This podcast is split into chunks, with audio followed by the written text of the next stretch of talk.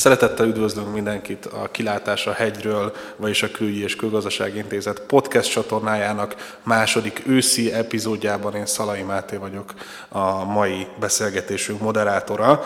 A mára egy olyan témát választottunk, amit eddig még nem kóstoltunk meg a podcast során, ez pedig az Európai Unió helyzete, és Juncker bizottsági elnök úrnak a szeptember 13-ai unió, az unió helyzetét értékelő beszédével kapcsolódva, és arra reagálva fogom megkérdezni a szakértőket, hogy mi volt a véleményük. Itt van velem Nagy Sándor Gyula, Orosz Anna és Garai Nikolett, az intézet munkatársai. Sziasztok! Kezdjük azzal, hogy mindannyian hallottátok Juncker bizottsági elnök úr beszédét. Hányasra osztályoznátok ezt a beszédet elemzőként? Mennyire volt adekvát ez a beszéd? Mennyire foglalkozott a fontos kérdésekkel? Mennyire volt politikailag egy jól eladható beszéd? Hát alapvetően formáját tekintve egy jól átgondolt, struktúrált beszéd volt, amit ugye különböző nyelveken váltogatva mondott el, tehát alapvetően az európai fogalmazunk úgy, hogy értékeknek megfelelő szemlélettel adta elő a mondandóját. Mondjuk itt egy négy és félre értékelném, vagy ötös alá. A tartalmi szempontból viszont kicsit elrugaszkodottnak éreztem néhány vízióját, még akkor is, hogyha a hosszú távú tervekről beszélt sokszor, de azt gondolom, hogy ezeknél a hosszú távú terveknél sem árt, hogyha a realitás talaján maradunk, úgyhogy itt mondjuk egy háromnegyedet tudnék neki adni. Tehát akkor formailag egy négyötöd, tartalmilag egy hármas osztályzat, Anna? Én Sándorhoz hasonlóan én is úgy vélem, hogy a korábbiakhoz képest egy jóval pozitívabb és előremutatóbb beszédet hallgattunk a bizottsági elnöktől különösen, hogyha visszatekintünk, ugye a márciusi öt forgatókönyvet felvázoló fehér akkor ahhoz képest mindenképp. Nagyon sok olyan kérdést is előtérbe hozott, ami az Európai Unió jövője, illetve a kohézió, tehát így a társadalmi és szociális kohézió szempontjából is lényeges, ami az unió összetartása véget rendkívül fontos. Abban is egyetértek, hogy volt egy-két olyan elképzelés is, illetve egy-két olyan ötlet is megfogalmazódott a beszédben, ami egyelőre még talán túlmutat a, akár a tagállamoknak a együttes akaratán, úgyhogy erről még biztosan sok vita lesz, különösen itt az intézményi kérdések kapcsán, de én is egy ilyen négyes körüli értékelést adnék a beszédnek. Köszönöm szépen, Niki. Egyet kell értenem az előttem szólókkal. Valóban, amit Sanyi is mondott az elején, formailag Hát igen, egészen jól sikerült szerintem, leginkább a tavalyi 2016-oshoz mérten. Az szerintem elég negatívra sikeredett, ugye a Brexitre, a migrációs válságra, meg az euroszkepticizmusra volt leginkább a tavalyi kihelyezve, kiélezve, és ugye ki is mondta, hogy az EU egy egzisztenciális válságban van. Ehhez képest ugye most ez a 2017-es sokkal pozitívabb volt, pozitívabb üzenetekkel, és igazából pár pozitív példát is kiemelt az elején, például gazdasági növekedést, alacsonyabb lett a munkanélküliség, hasonló dolgokról is beszélt az elején. Alapvetően tartalmilag én egy háromnegyedre vagy négyesre értékelném, ugyanis a beszédében azt kimondta, legalábbis számomra ez volt az egyik ilyen fő, fő hozadéka az egész beszédnek, hogy ha valaki az Európai Unió magjához akar tartozni, akkor előbb-utóbb ugye be kell vezetni a, az eurót. És igazából én úgy, nekem úgy jött le a, a beszédéből, hogy nyilván elutasítja a, a kétsebességes vagy többsebességes Európát, mindenki legyen egységes, ehhez vezessétek be az eurót. Ez egy érdekes gondolat, és erről még beszélünk nem sokára.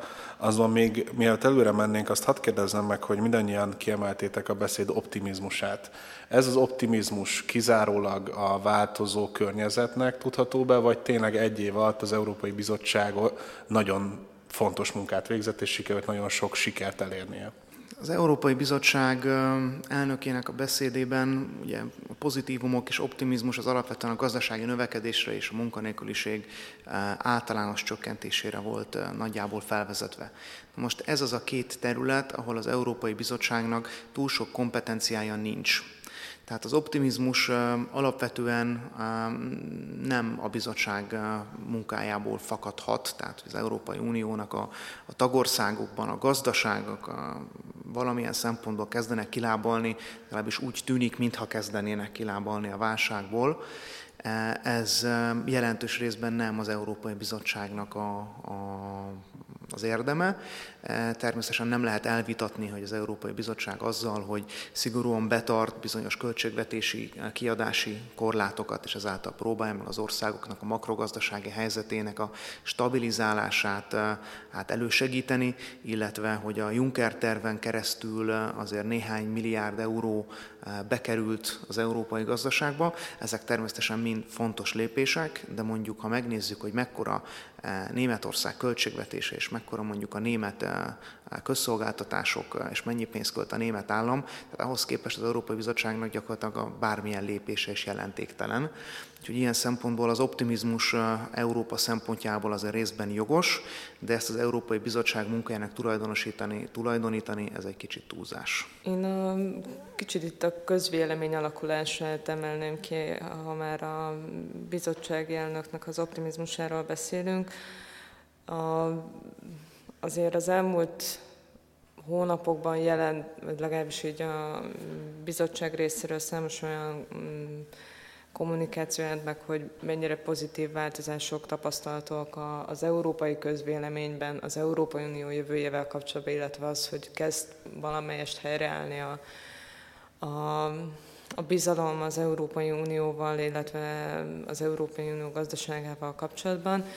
Természetesen az, a közvélemény alakulása az nagyon sok tényezőnek ki van téve de amire még ezt a pozitív kitekintést alapozzák, az egyrészt az, hogy az egyes országokban a választások eredményei, tehát a közvélemény alakulásának az ilyetén alakulása is egy olyan tényező, amire a bizottság elnök alapozta pozitív üzenetét. Igen, ezzel én is egyetértek, és még hozzátenném, hogy ez a beszéd alapvetően ugye az európai állampolgároknak szól, úgyhogy az ilyen krízises időszakokban szerintem ez egy jó stratégia volt az Európai Bizottságtól, meg Junckertől is, hogy viszonylag pozitívabb hangnemben próbálta kommunikálni a jövőbeli terveket. Mindezek alapján, amiket mondotok, akkor még Szerintetek jogosan már kimondhatjuk azt, hogy az Európai Unió válságos évei lezárultak, és most már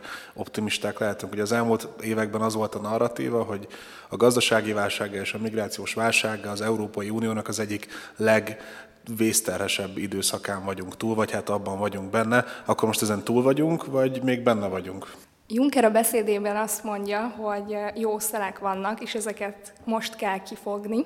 Úgyhogy én úgy gondolom, hogy még nem vagyunk túl a válságon semmiféleképpen. Most talán van rá lehetőség, hogy, hogy sikerüljön egy olyan fajta együttműködést létrehozni, ami, ami előre tudja vinni Európa hajóját a szeles tengeren, Úgyhogy mindenképpen, ha megnézzük a, azokat a tervezeteket, amiket Juncker javasolt, és amit a bizottság is javasolt, ezeket semmiféleképpen nem lesz egyszerű végrehajtani.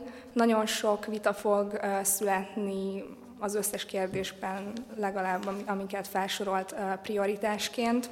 Nikihez hasonlóan én is úgy gondolom egyébként, hogy a, a kihívásoknak a nagy része az még mindig előttünk áll, illetve az Európai Uniós döntéshozóknak a következő években még számos feladata lesz azzal kapcsolatban, hogy azt a pozitív üzenetet így a gyakorlatba is át tudja ültetni, amit Juncker megfogalmazott, illetve azért tegyük hozzá, hogy ugye az ördög mindig a részletekben rejlik, tehát itt a Juncker által megfogalmazott ötletek, illetve javaslatok a jövőre nézve, ez, ez még éppen, hogy pont tovább, nagyon sok további vita forrása lesz. Az viszont tény is való, hogy ez a úgymond a pozitív hozzáállás nélkül és egy pozitív Európai Uniós jövőkép nélkül alig ha lehetne átvészelni a válságos időszakot, úgyhogy azt lehet mondani, hogy talán ez egy ilyen első alapvető megközelítési előrelépés, de egyébként a feladatoknak a megoldása az még csak most következik. Tehát akkor ez az optimizmus egy önbeteljesítő jóslat akarna lenni. Sanyi? Azt gondolom, hogy gyakorlatilag egy átmeneti, kegyelmi időszak van az Európai Unió életében, legalábbis világgazdasági és világpolitikai szempontból. Ez nem fog sokáig tartani. Úgyhogy az optimizmust én csak részben osztom. Azt gondolom, hogy gazdasági szempontból lehet előrelépni, lehet olyan programokkal, olyan döntésekkel továbbvinni a gazdaságfejlesztési, infrastruktúrális és egyéb beruházásokat, amivel az európai gazdaság tovább tud fejlődni. Azonban kicsit tágabb környezetben megnézve, hogy milyen konfliktusok vannak a közel-keleten, Észak-Afrikában, vagy a koreai félszigeten. Az optimizmus hát még rövid távon se feltétlenül megalapozott. A menekült helyzettel kapcsolatos kapcsolatban kijelenteni, hogy bármilyen megoldás is született volna, ez megint csak enyhe túlzás. Tehát az, hogy a törökök, a libiaiak, meg a marokkóiak egyelőre bent tartják a menekülteket és nem engedik tovább, ez bármikor megváltozhat, akár egy belső politikai, akár egy külső nyomás tekintetében, tehát ezek, ezek a problémák nincsenek megoldva. Az Európai Uniónak most van talán egy-két éve, hogy valamilyen megoldást találjon azoknak a problémáknak a gyökereire, amelyeknek eddig még csak a felszíni kezelése kezdődött el. Nagyon sok fontos dolog elhangzott ebben a körben. Arra kérnék titeket, hogy nyilván mindannyian a saját elemzői szemszögetekből hallgattátok a beszédet, vagy olvastátok a beszédet. Arra kérlek titeket, hogy emeljetek ki egy vagy két olyan javaslatot, kezdeményezést, politikai irányt a beszédből, amely számotokra kifejezetten releváns volt. Én a, hát mindenek előtt a bővítési politika, illetve a, a Nyugat-Balkán szemszögéből figyeltem, illetve, illetve követtem nyomon a beszédet. Az, hogy Juncker beszédében ismét helyet kaphatott a Nyugat-Balkán, illetve a bővítés ügye, az, az mindenképp egy abba, legalább retorikai szinten egy előrelépés a korábbiakhoz képest. A bővítés, ugye Juncker azzal nyitotta lényegében a meg a mandátumát, hogy akkor az ő idejében bővítés nem lesz, hogy ez befogyasztják, tehát lényegében egy negatív üzenetet fogalmazott meg a, a bővítés, tehát a csatlakozásra váró országokkal szemben, és ez, ezzel szemben egy úgymond egy, ezzel szemben egy pozitív fejleménynek tekinthető, hogy ez van nyugat-balkáni országok szempontjából, hogy a hiteles uniós tagsági perspektívát bele emelte a beszédébe a bizottsági elnök. Ez ugye nem érvényes Törökországra. Törökországgal szemben kifejezetten kritikus véleményt fogalmazott meg a, a bizottság elnöke.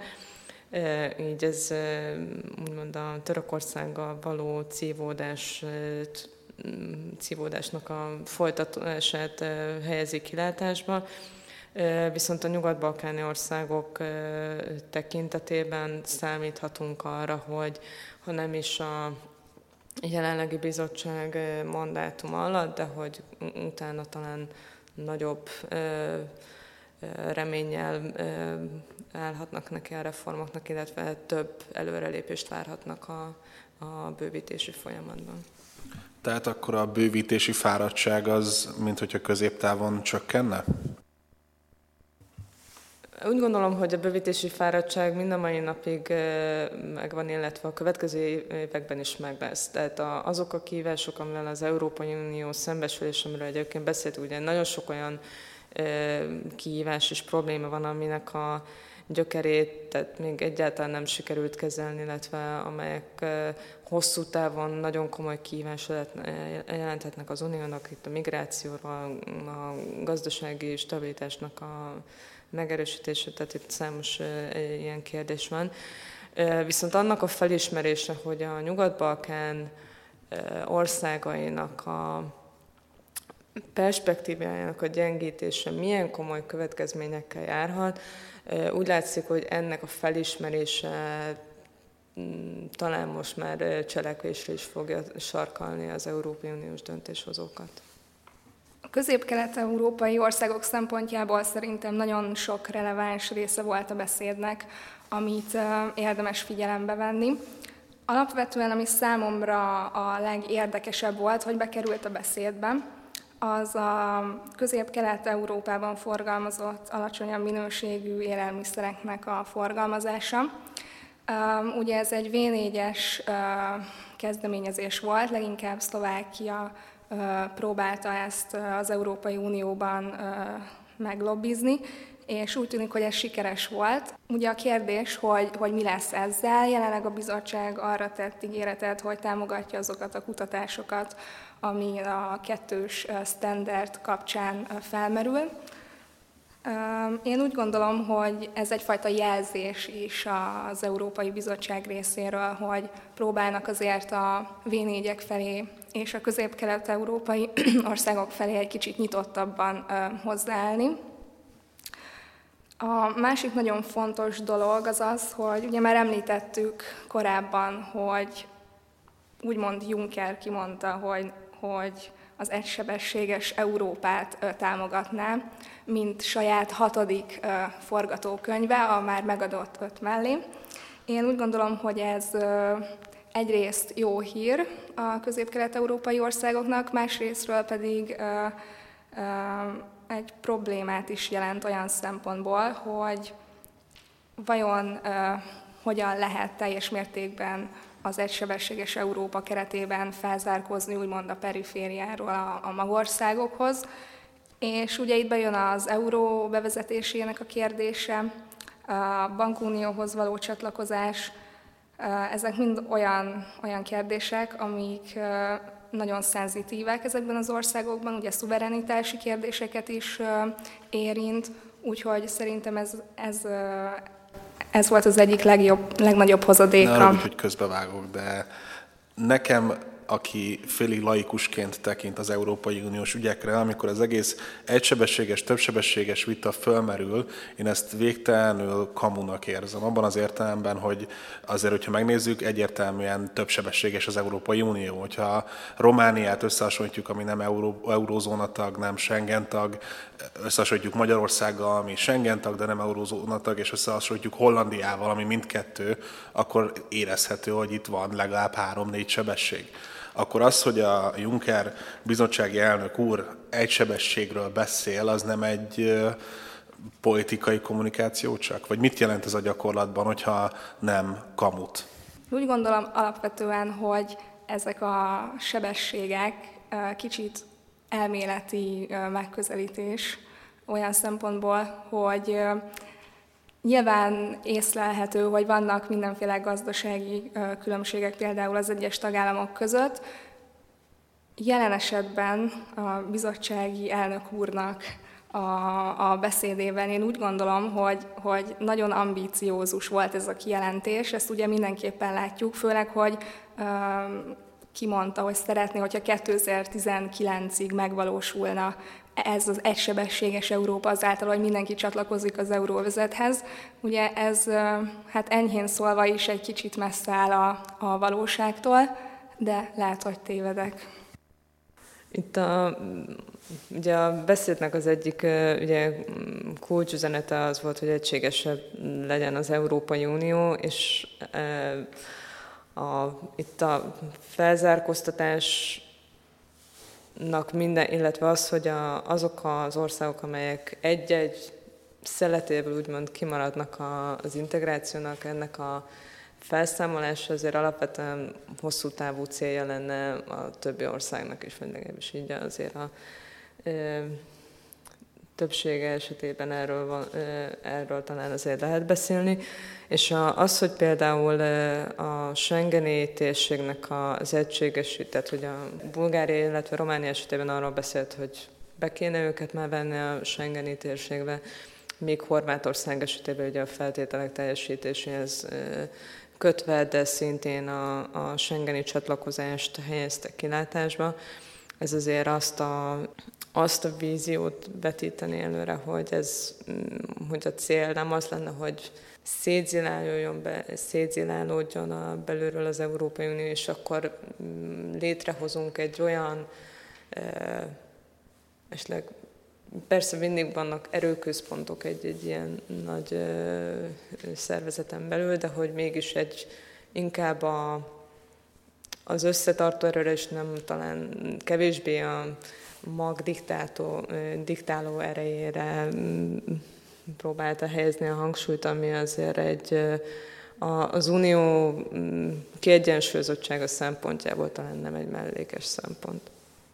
Én a sebességek esetében különbséget tennék a jogi meghatározottság között, tehát hogy jogilag hány sebességes az Európai Unió, mert ebben az esetben valóban egyetértek, hogy több sebességes unióról beszélünk, és itt a Schengen zóna, az eurozóna és egyéb dolgokról is. Tehát vannak azért még más szempontok, amivel szintén be lehet jogilag különíteni bizonyos csoportosulásokat az Európai Unión belül, de azt gondolom, hogy sokkal érdekesebb a gazdasági potenciál és a növekedés szempontjából megnézni, hogy az Európai Unió a kontinensen hogyan oszlanak el az országok, és itt viszont tényleg látszik kialakulni egy, egy gazdaságilag jobban fejlődő, versenyképesebb mag Európa, és egy kevésbé versenyképes társadalmi problémákkal küzdő, gazdasági struktúrás problémákkal küzdő nem mag Európa, és ezt nem feltétlenül földrajzilag értem, hanem Ez egy fél periféria? Hát most nem gondolnám, hogy Spanyolország vagy Görögország eh, fél periféria lenne, tehát azért itt aránylag fejlett országokról, eh, vagy fejlett országokról van szó, csak eh, különböző válságszindrómákkal küzdenek, társadalmi vagy gazdasági strukturális válsággal, és ezeket le kell küzdeniük. De egy egységes Európában ilyenkor, amikor egy a szolidaritás elvét mindenki hangsúlyozza. Ilyenkor kell például, hogy Németország és más országok, akiknek hatalmas versenyelőnyük van, hatalmas kereskedelmi többletük, kimutassák a szolidaritást a többi országgal szemben, amik viszont gazdasági problémákkal működnek, és itt a szolidaritás nem feltétlenül euró milliárdokban kell mérni, hanem más jellegű programokkal is. Visszatérve az eredeti kérdésedhez, Máté, hogy mi az, amit kiemelnék a beszédnek a fontosságát tekintve, az egyik az, hogy Juncker elnök úr nagyon föderalista megközelítést vázolt föl. Tehát azzal, hogy legyen egy egységes európai elnök, kicsit amerikai mintára összevonva a bizottság és az Európai Tanács elnöki pozícióját, ami a jelenlegi jogi berendezkedés mellett egy nonsens egyébként, de persze hosszú távon meg lehet tenni ezeket a, a dolgokat, csak ez alapvető jogi problémákat vet fel, hogy az Európai Tanács, amely a tagállamokat képvisel és a tagállami érdekeket manifestálja, az hogyan tudja ugyanaz az ember képviselni, mint ami az Európai Bizottságot, aki a végrehajtó hatalomnak a, a szerepe, tehát ez számomra a mostani felállás szerint ez egy problematikus javaslat, persze szimbolikáját tekintve, hogy egy darab uniós elnök legyen, és ne legyenek különböző elnökök, persze ez akár a külföld szempontjából is, ugye megint Kissinger kérdését veti föl, hogy akkor ha Európával akarok beszélni, melyik telefonszámot hívjam, hát ezt még ma még mindig nem tudjuk, hogy kit kell hívni, de mondjuk én se tudnám megmondani, még csak név szerint se, nem hogy a telefonszámát. Másik oldalról viszont, ami előremutató, legalábbis a közgazdasági oldalról, ez a szabadkereskedelmi megállapodásoknak a bővítése. Tehát ugye amellett, hogy Kanadával most már részlegesen életbe lépett a, a CETA nevezetű egyezmény, amely, amely ezek a kanadai-európai uniós szabadkereskedelmi megállapodás, ugye folyamatban van több másik megállapodásnak a letárgyalása is, ami valószínűleg egyébként az egyik leghamarabb és legeredményesebb lesz, az a a bizottsági elnök által most bejelentett Ausztrália és Új-Zéland, hiszen ezen országokkal olyan nagyon különösebb kereskedelmi problémák nincsenek, se fejlettségi, gazdasági fejlettségi szintjüket tekintve, se egyéb más szempontból, tehát valószínűleg belük aránylag hamar le lehetne zárni ezeket a tárgyalásokat, néhány érzékenyebb szektor lehet, ami, ami mondjuk egymás piacait picit zavarhatja, de nem gondolnám, hogy ez különösebben probléma. Köszönöm szépen. Menjünk tovább az Európai Unió jövőjével kapcsolatos gond gondolataitokra. Itt, amikor az Európai Unió jövőjéről beszélünk, akkor nyilván egy nagyon átpolitizált témáról van szó, melyben nagyon sok szélsőséges vélemény megnyilvánul. Az elmúlt napokban, ahogy olvastam erről, olyan szélsőséges véleményeket is olvastam, az egyik oldalon az volt, hogy a Merkel-Macron tengely majd egy föderális szuperállamot hoz létre, a másik oldalon pedig az volt, hogy az Európai Unió szétomlik éveken belül, mert már a migráció és a gazdasági válság és a terrorizmus teljesen szétfeszíti, amelynek ugye a Brexit lett volna az első lépése, és aztán jön majd a Frexit, meg a többi exit. Mit gondoltok, hogyan látjátok ezeket a narratívákat. Tényleg a föderáció felé indulunk el, vagy egy széttagolt, alig működőképes Európai Unió felé, ami inkább egy partneri hálózat, mint egy tényleges együttműködés? Azt gondolom, hogy a, a kérdés ez nagyon érdekes, azonban erre nem lehet egyértelmű választ adni. Mindig szoktam mondani, hogy a kristálygömbömet éppen otthon felejtettem, úgyhogy most sincs nálam. De azt gondolom, hogy ha mostani folyamatokat kicsit extrapoláljuk a jövőre nézve, akkor azt lehet mondani, hogy az Európai Unión belül az integráció bizonyos területeken tovább fog mélyülni, más területeken viszont valószínűleg lazább lesz. Az, hogy melyek ezek a területek, azt gondolom, hogy például a védelem politika terén az egy olyan terület, ahol nagyobb lesz az eddigiekhez képest az együttműködés, és részben a NATO keretében a NATO-t kiegészítve, NATO-t erősítve az Európai Uniós tagállamok elkezdenek esetleg közös védelmi kapacitásokat kiépíteni, együttműködni, munkamegosztást csinálni, tehát hogy olyan dolgokat, amik abszolút hatékonyak, és ugyanabból a pénzből sokkal többet ki lehetne hozni az itteni együttműködés javításával. Míg azt gondolom, hogy más területeken viszont elképzelhető, hogy kevesebb lesz az együttműködés, és többek között itt a migrációs kérdést is értem, mert az Európai Bizottság ugye bármit is mondanak, nagy valószínűséggel be fogják terjeszteni az állandó elosztási kvótára vonatkozó javaslatukat, amit a mostani politikai realitás körülbelül azt mutatja, hogy nem fog átmenni a tagállamokon, mert egyre több tagállam gondolja azt, hogy ez így ebben a formában nem működik, már a befogadó országok bizonyos régió és térségei sokalják az odaérkező menekülteket, tehát, hogy, és jól látszik például a közelgő német választások eredményéből, hogy egy bevándorlás ellenes pár 10% fölötti eredményt fog valószínűleg szerezni. E, ami azért jelzi, hogy Angela Merkel politikájával nem mindenki népszerű, nem mindenkinél sikerült népszerűséget elérnie. Persze ez nem jelenti azt, hogy nem lesz megint valószínűleg négy évig kancellár, tehát hogy még azért tartja magát Angela Merkel, tehát nem kell őt még temetni, de, de az biztos, hogy azért kemény ellenállás bontakozott ki egyes német térségekben, ami politika, egy új politikai csoport parlamentbe történő bekerülésében is fog manifestálódni. Úgyhogy azt gondolom, hogy föderális Európa belátható közép-hosszú távú jövőben, tehát tíz éves távlatban nem lesz, de szétesést sem tartanék valószínűnek, ugyanis bármennyi probléma is van az Európai Unión belül, azt gondolom, hogy a, a témák 80-85 százalékában a tagállamok jelentős része egyetért és ugyanabban az irányban húz.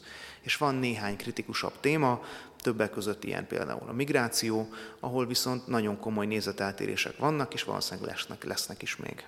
Én is egyetértek azzal, hogy egy ilyen nagyon komoly föderális víziónak nincsenek, jelen, nincsenek jelenleg reális esélyei a tagállamoknak a tehát nincsen meg a tagállamok részéről az a politikai akarat, ami ezt a nagyon föderális irányba mutató elképzelést alátámasztaná hanem tényleg ez a egyik, egy-egy területen megerősödik az együttműködés, még más területeken talán a tagállamok inkább növelni kívánják majd a kompetenciáikat annak érdekében, hogy a saját elképzeléseiket tudják jobban érvényesíteni. Még ha Brexitet ugye szóba is hoztuk, a, a Brexittel kapcsolatos viták sok tekintetben a a, a, a még bennmaradó tagállamok tekintetében azért egyrészt figyelmeztetője volt, tanulságokat tudnak a tagállamok levonni a, a Brexit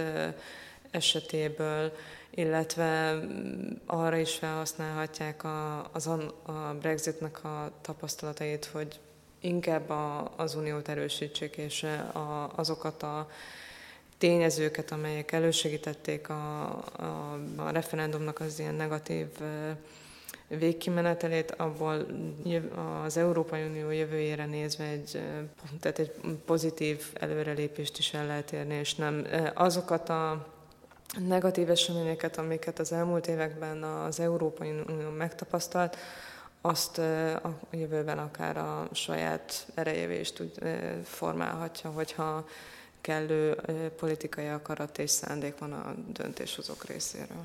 Annyit még hozzátennék, hogy igazából ez a kérdés az Európai Unió megalakulása óta folyamatosan napirendben van, úgyhogy ha már előttünk okosabb politikusok és gondolkodók nem tudtak erre válaszolni százszázalékosan, nem hiszem, hogy mi fogjuk most ezt itt megoldani. Szerintem, ami még nagyon érdekes, például a föderális elemekkel kapcsolatban, hogy ugye legyen egy elnöke az EU-nak, most márciusban volt egy ifjúsági fórum, aminek a Strasbourgban, aminek a végeredményét a Rómában márciusban közre is tették elméletileg, és a fiataloknak a többsége amellett érvelt, vagy amellett tette le a voksát, hogy igenis föderális irányba kell elvinni az Európai Uniót, és, és konkrétan a deklarációban ez is benne volt, hogy egy elnöke legyen, Szerintem a jövőben nagyon-nagyon hosszú távon ez is majd egy tényező,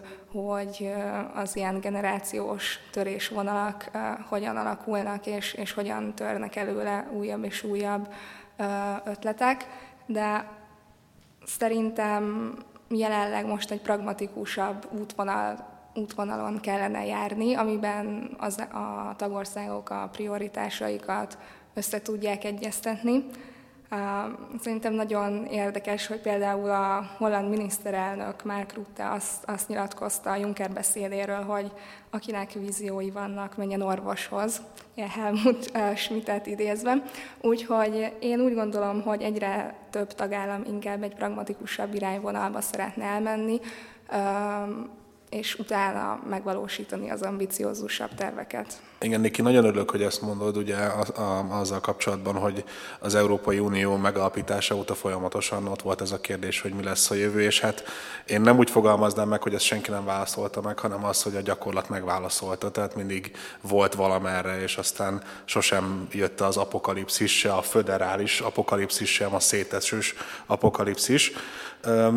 Az tehát biztos, hogy az Európai Unió az átalakulás folyamatában van. Milyen szerepet játszhatnak a visegrádi országok ebben a folyamatban? Azért, hogyha megnézzük az elmúlt éveket, nekem úgy tűnik, hogy azért a visegrádi országok politikai jelentősége nagy mértékben megnőtt az elmúlt években. Jól látom-e, és hogy látjátok ennek a, az országcsoportnak, vagy ennek a szövetségnek, ennek az együttműködésnek a jövőjét és a szerepét az Európai Unióban? Végignézzük azt, hogy a visegrádi négyek eh, milyen témákban nyilatkoztak meg közösen, illetve hogy a, az egyes politikai viták, tehát az Európai Unión belül folyó politikai viták végén mennyire maradtak egységesek, akkor azért azt látni lehet, hogy amellett, hogy a Visegrád együttműködés egy fontos egyeztetési fórum, illetve lehetőség a, ennek, a négy, ennek a négy országnak a számára abban, hogy a pozícióikat adott esetben közelítsük egymáshoz, nagyon sok, sokszor egyébként egymással ellentétes prioritásokkal is rendelkeznek ezek az országok, amelyek adott esetben külön platformra is helyezik őket. Viszont azt is lehet látni, hogy egy nyíltabb felvállalása történt az elmúlt években a úgymond a régi erőteljesebb tagállamokkal szemben jobban kell, egy határozottabb konfrontációnak a felvállalása megtörtént, legalábbis egy-egy a politikai vitáknak egy-egy fázisában, viszont azért a, az adhok szövetségalakítás, tehát hogy az egyes szakpolitikákhoz kapcsolódóan továbbra is úgy gondolom, hogy a visegrádi országok azért alapvetően a saját érdekeik szerint fognak lépéseket tenni, többek között annak függvényében, hogy a erőteljesebb vagy kevésbé erőteljesebb partnereik milyen irányba tudják őket elmozdítani. Tehát itt ugye Németországhoz kötődő erős gazdasági kapcsolatok, illetve az, hogy például hogy alakul Németország és Franciaország között a kapcsolat, az a, úgy gondolom, hogy a jövőben meghatározza azt is majd, hogy a v mennyire tudnak egységesen, illetve határozottan fellépni. Egyetértek Annával. Én úgy gondolom, hogy a, a Visegrádi négyek sikere és politikai súlya az Európai Unióban mindig attól függ, hogy sikerül-e olyan, olyan témákat és olyan prioritás területeket találni, ami, amivel közösen fel tudnak lépni. Ugye alapvetően ez egy adhok együttműködés, hogyha a Visegrádí négyeknek van olyan nemzeti érdeke, ami véletlenül egyezik a többi V4-es országgal, akkor összeállnak és össze, összenyomják az erejüket, ezáltal tudják egy kicsit a lobby erejüket megnövelni, hiszen ha megnézzük erőforrásaikat, kisállamoknak minősülhetnek olyan szempontból, hogy például nem csak, hogy, hogy területben gazdaságilag tartoznak úgymond a kisebb és közepes méretű tagállamok közé, de ez azt is jelenti, hogy mivel kevesebben laknak ezekben az országokban, ergo bürokratikus erejük is kisebb, mint a nagyobb tagállamoké. Igen, bocsánat, hogy közbevágok, de teljesen egyetértek, hogy kell ahhoz egy jól megfogható közös érdek, hogy a visegrádi országok együttműködjenek, de például erre egy nagyon jó lehetőség lesz, gondolom én, a 2021-27-es költségvetési ciklusnak a tárgyalásai. Itt biztos lesznek közös érdekek, amelyek alapján lehet együttműködni. Uh, igen, ezt nagyon jól látod, és uh, szerintem amennyiben a jövőben is szeretnének uh, hatásosan fellépni. Ugye ez a magyar elnökségnek is egy prioritása a mostani V4-es elnökségi programban, hogy szeretnék a Visegrádi négyek hangját úgymond megnövelni az Európai Unión belül. Mindenképpen a költségvetés tervezet körüli prioritásokat én, én azt javasolnám, hogy kerüljenek egyeztetésre, már csak azért is, mert a Juncker féle tervezetben ugye terveznek egy EU budzsé bevételi oldali reformot is, ami egy döntéshozatali mechanizmusbeli változást is eredményezne, hogyha ez elfogadásra kerülne, és például a többéves pénzügyi keretről szóló döntéshozatali mechanizmust minősített többségi döntésre változtatnák. Lassan a podcast végéhez közeledve egy személyi kérdésem lenne még. Juncker azt is bejelentette, hogy nem kívánja folytatni 2019 után bizottsági elnöki pályafutását. Mit gondoltok erről a hírről? Mit jelent ez? Ennek politikai okai voltak, nem volt népszerű, megunta a munkáját. Mi lehet e mögött? Azt gondolom, hogy nem volt egy jó taktika Juncker elnök úr részéről, hogy bejelentette, hogy nem kíván még egyszer indulni, ugyanis ezáltal kicsit bénaka kategóriába lesz besorolva a következő két évben, és már nem feltétlenül hozzá fognak fordulni a állami vezetők, hogyha valamit szeretnének elintézni, ami esetleg egy 2019-en túlmutat, hanem az utódját fogják már keresni, és ugye hát mondhatnám folyosói plegykák, de inkább újságcikkekben olvasott hírek alapján, ugye az IMF mostani francia elnökasszonya Christine Lagarde az, aki felmerült, de ezen kívül egyébként vannak még más jelöltek is, tehát ha csak belegondolunk, hogy a Jean-Claude Junckernek az ellenlábasa a néppárton belüli választáskor mondjuk Michel Barnier volt, aki egyébként szintén szóba jöhetne következő elnöki posztra, de természetesen más szereplők is előfordulhatnak. Én például nem zárnám ki Donald Tuskot sem, az Európai Tanács mostani elnökét, hogy esetleg a bizottsági elnökként folytassa ezt a pályafutását, de egyébként azt se zárnám ki, hogy Angela Merkel a jövendőbeli alkancellárját Martin Schulzot nevezni esetleg meg, de ezek már csak ilyen politikai ugye kristálygömbből kipattanó ötletek. Igen, igazából a bizottság elnöknek a bejelentése leginkább most ahhoz fog hozzájárulni, hogy egy nagyon-nagyon korai fázisban megkezdődjön a, a helyezkedés, illetve a bizottsági elnök jövőbeli személyről szóló vita, illetve találgatás. Ami érdekes lesz majd, hogy milyen irányba próbálnak majd a tagállamok, tehát milyen jellegű személy irányába próbálnak majd nyomulni a tagállamok, hogy inkább egy politikailag kevésbé mm, fajsúlyos személyiséget, vagy egy kifejezetten komoly elképzelésekkel határozott politikai célokkal bíró szemét fognak -e inkább preferálni. Én személy szerint úgy gondolom, hogy inkább azt feltételezném, hogy most azért a tagállamoknak egy jelentős része inkább egy köztes megoldás irányába próbálja majd terelni a, a bizottság, tehát egy köztes megoldás fognak leginkább preferálni. Juncker egy eléggé megosztó személyiség volt, nagyon sokan nem szerették, bizonyos területeken nagyon politikailag nagyon aktív volt, egyes tagállamok szempontjából talán túl aktív. Bocsánat, és ki szerette? Azt mondtad, megosztó volt, ki szerette Junkert? Inkább úgy mondanám, hogy volt, tehát bizonyos területeken mondjuk főleg így a nagyobb tagállamok jobban partnerséget tudtak vele építeni, mint mondjuk a politikai életelemben kevésbé meghatározó tagállamok, és ez sokaknak szúrhatta a szemét azért az Európai Unióban. A podcast végéhez érve még egy kérdésem lenne. Nyilván a következő egy-két évben is szinte minden a migrációról és a gazdaságról fog szólni, hiszen ez a, talán a két legfontosabb téma, nyilván a terrorizmus harmadikként megemlíthető. Azonban arra kérnélek titeket, hogy e, ajánljatok nekünk, és a, hát a hallgatóknak és nekem egy-egy olyan témát, amire szerintetek oda kell figyelni az Európai Unióban, amelyek fontosak lesznek, és amelyek megérdemlik azt, hogy odafigyeljünk rájuk. Ha nem baj, akkor én a saját kutatási területem szemszögéből válaszolnám meg a kérdést. Az, azért a Nyugat-Balkánnal kapcsolatos relációban már azért elég egyértelművé vált az, hogy nem az eddigi gazdasági fejlesztési programok nem feltétlenül hozzák meg a, a, a sikert, és a, ez egyébként a beszédben megjelenő szolidaritás, illetve a szociális aspektusoknak az erősítése, az a nyugat-balkáni relációban is egy nagyon fontos és nem elhanyagolható szempont. Úgyhogy én úgy gondolom, hogy ami egy esetleg így egy ilyen érdeklődésre számot tartható téma, legalábbis a, én magam önző szempontjait veszem előtérbe, akkor az, a, az hogy a, a bővítési politikám, illetve a nyugat-balkáni relációban mennyire képes a korábbi gazdasági megközelítését meghaladni az Európai Unió, és egy nagyobb figyelmet szentelni arra, hogy a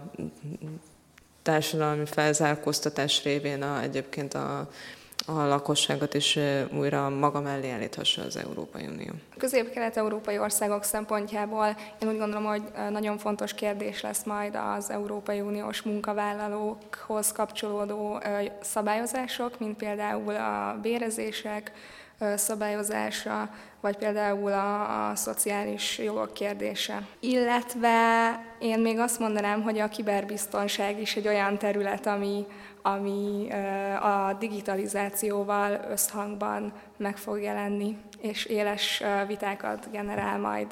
Én azt gondolom, hogy a következő egy-két évben nem csak a, az integrációval, a további mélyítéssel, hanem a, egy másik ellentétes folyamattal, a dezintegrációval is foglalkozni kell. Itt a legaktuálisabb kérdés például ezzel kapcsolatban Katalónia esete, hogy vajon lesz-e még olyan ország az Európai Unió területén, amely frissen fog létrejönni egy másik országból, és itt azért lehet még más szeparatista törekvéseket is említeni, de a legaktuálisabb az például Katalónia, aminek igen komoly következményei lehetnek. Annál is inkább érdemes Katalóniára figyelni, mert mi is figyelni fogunk rá, és két hét múlva a következő podcast adásnak ez lesz a témája. Köszönöm szépen a meghívott szakértőinek, Garai Nikolátnak, Orosz Annának és Nagy Sándor Gyulának a közreműködést. Én Szalai Máté voltam, ez itt a Kilátása a hegyről.